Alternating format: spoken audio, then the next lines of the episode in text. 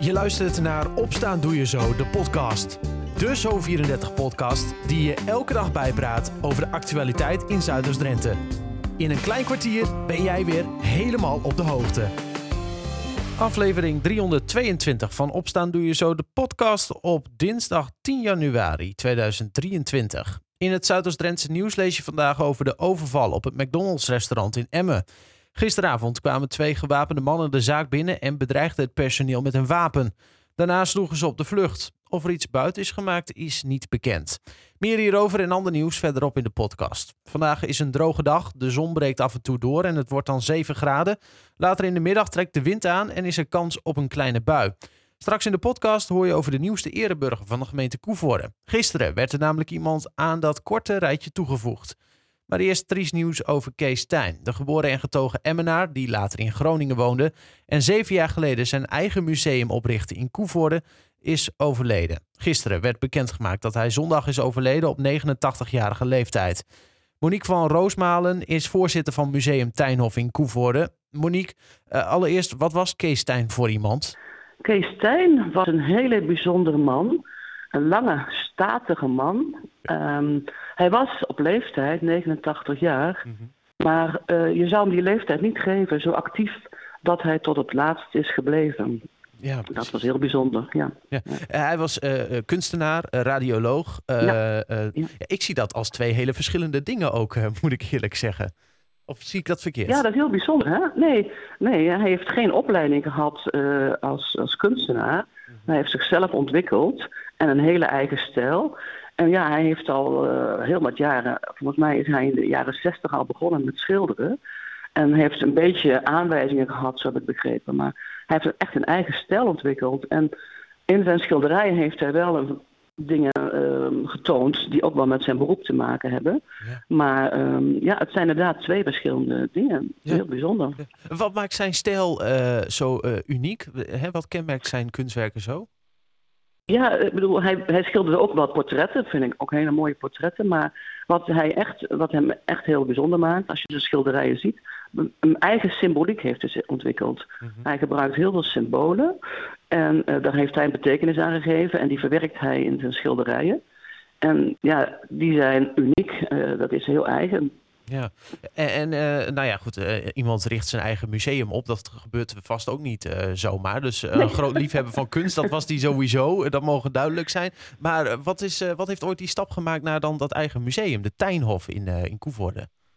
Ja, dat, hij heeft heel veel, ik denk iets van ongeveer 500 schilderijen. Mm -hmm. En hij dacht van, uh, hij, wat moet mijn familie daar op het laatst mee? Uh, ik ga het uh, zorgen dat, dat er iets mee gebeurt.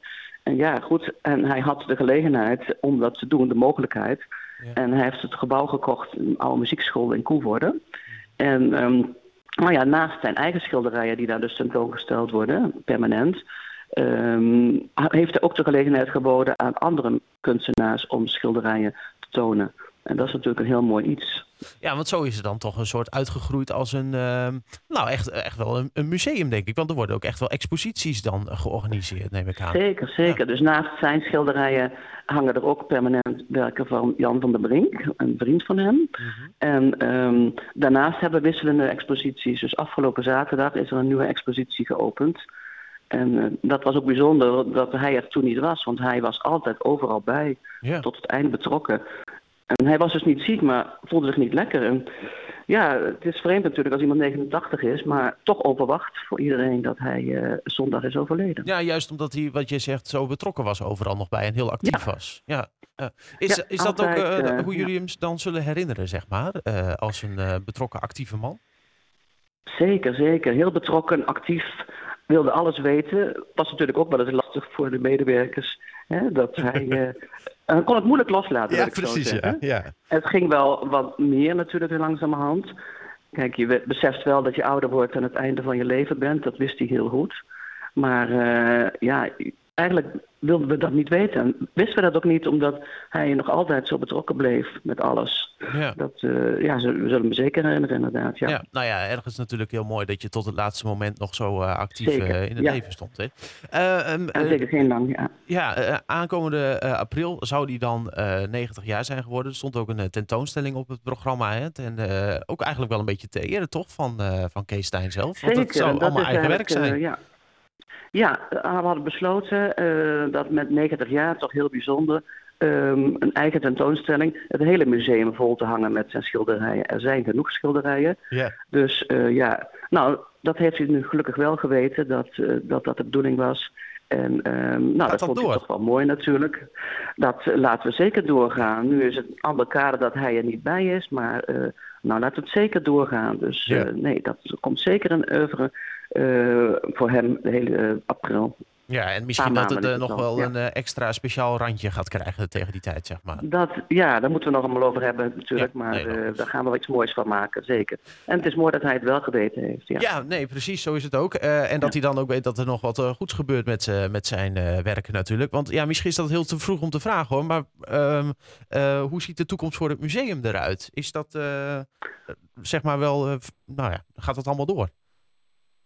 Uh, dat denk ik wel, want uh, ik ben vanaf het begin betrokken en ja, hij schuwde niet om over de dood na te denken. Mm -hmm. En we hebben in het begin ook al besproken van, ja, op een gegeven moment, hoe moet het dan verder? Dus hij heeft daar wel uh, zelf ook regel, uh, maatregelen voor getroffen. Dat moeten we nog allemaal even bekijken, maar ik heb het met hem toen besproken en um, hij heeft erover nagedacht en ook aan het museum gedacht. Uh, ja, dus ja. Uh, wel de bedoeling om door te zetten ja. en de mogelijkheid waarschijnlijk ook. Ja, ja voorlopig zullen die werken allemaal nog wel uh, te zien blijven. Zeg maar. ja, ja, ja, ja, ja, de komende jaren zeker. En dan moeten we het allemaal bekijken natuurlijk. Want ja, je bent dan met vrijwilligers bezig, dus dat is tegenwoordig altijd moeilijk hè, om zeker. met vrijwilligerszaken in het touw te houden. Ja. ja. Nou ja, goed, eh, dat uh, komt dan ook allemaal wel weer goed als ik het uh, zo hoor. ik denk het wel, ja. Vanaf ja. april dus sowieso die speciale tentoonstelling. En, en je zei net dat het nu ook weer net een nieuwe expositie is. Ja, we hebben nu naast de zijn werken die er altijd zijn, expositie van Rob van Klaveren. Mm -hmm. En toevallig zei ik ook bij de opening, hij heeft ook wel een link met Kees. hij was ook arts en autodidact. Oh. En ja, goed. Ja, niet dat hij dezelfde schilderijen heeft hoor. Nee, heel, heel nee. anders mij. Maar uh, ja, het zijn ook hele bijzondere schilderijen. En daarnaast nog foto's van Karen Broekhausen hebben we ook nog. En haar schoondochter uh, exposeert ook, die schildert uh, vanuit bloemen. In het museum is voorlopig nog genoeg te zien dus. Meer informatie over de exposities en de openingstijden van het museum zijn te vinden op de website tijnhof.nl. Meer over Kees Stijn lees je op onze website zo34.nl en in onze app. Na het nieuws hoor je de nieuwste ereburger van de gemeente Koevoorde. Het McDonald's restaurant in Emmen is gisteravond slachtoffer geworden van een overval. Twee gewapende mannen kwamen de zaak binnen en bedreigden het personeel met een wapen. Daarna sloegen ze op de vlucht. Of er iets is buitgemaakt is niet bekend. De politie zette de omgeving af en deed onderzoek rondom het fastfoodrestaurant. Via Burgernet werd opgeroepen om uit te kijken naar de twee verdachten. Een automobilist raakte gisteravond bekneld in zijn auto na een ongeluk op de N34. Ter hoogte van Odoorn raakte hij van de weg en kwam in een sloot tot stilstand. De brandweer heeft de man uit de auto gehaald. Hij is naar een ziekenhuis gebracht. Bij het ongeluk was vermoedelijk ook een bestelbus betrokken. De bestuurder daarvan is ook naar het ziekenhuis gebracht. De oorzaak van het ongeluk wordt nog onderzocht. De gemeente Emmen onderzoekt de veiligheid op het kruispunt bij de Brugstraat in Klazinaveen. Vorige week gebeurde daar een ernstig ongeluk waarbij een voetganger werd geschept door een automobilist. Het gewonde slachtoffer is daar naar het ziekenhuis gebracht. Volgens wethouder René van der Weijden van de gemeente Emmen zijn er vaker gevaarlijke situaties op dit kruispunt. De gemeente onderzoekt de opties om het daar dan ook veiliger te maken. Zo wordt onder meer gedacht aan het aanleggen van een zebrapad. Tot zover het nieuws uit Zuidoost-Drenthe. Voor dit en meer kijk je ook bij ons online op zo34.nl en in onze app. Roelie Lubbers Hilbrands uit Noordsleen is benoemd tot ereburger van de gemeente Koevoorde. Tijdens de nieuwjaarsreceptie van gisteravond verraste burgemeester Renze Bergsma haar met de onderscheiding. Culturele duizendpoot Lubbers Hilbrands zet zich in als organisator van evenementen en vervult daarnaast verschillende bestuursfuncties. Het ereburgerschap is een waardering van het college van burgemeester en wethouders voor bijzondere verdiensten in de gemeente Koevoorde. Verslaggever Dylan de Lange sprak Roelie na de bekendmaking. Laat ik het dan maar gewoon zeggen. Roelie Lubbers, wil je even naar voren komen?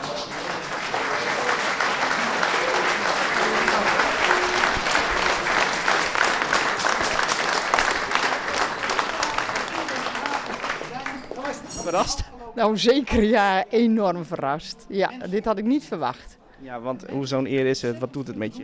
Nou, het is misschien wel te veel eer. Het is, eh, het is heel veel eer, ja. En dat- doet ook wel wat met me. Dat ik vind het heel bijzonder, ja. Ja, want dan kom je op zo'n nieuwjaarsreceptie.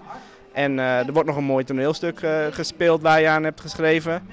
En dan daarna komt zo'n bekendmaking, zo'n onderscheiding. Ja, Ja, ik, ik wist van niks. En dan denk je, oh ja, het is klaar en we gaan aan de borrel. En dan komt er nog iets. Ja, heel bijzonder. ja want wat houdt het, wat houdt het in? Ehm, nou, wat het echt inhoudt, weet ik niet. Maar eh, ik, ik heb hem toegekend gekregen vanwege, ja, hier staat het, bijzondere verdiensten voor de gemeente Koevoorde.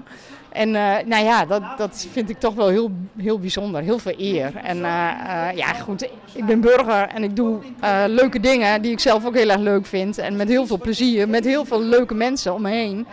En dan, ja, dan doe je dat gewoon. En dan sta je er niet bij stil dat het dan ook bijzonder is. Dat, ja, ja.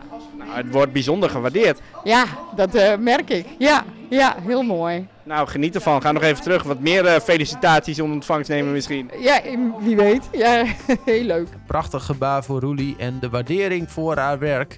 Je hoorde ook hoe verrast ze was. Meer hierover lees je op zo34.nl en in de Zo34-app. Tot zover de podcast van dinsdag 10 januari. Morgen weer een nieuwe aflevering. Graag tot dan en voor nu een fijne dag.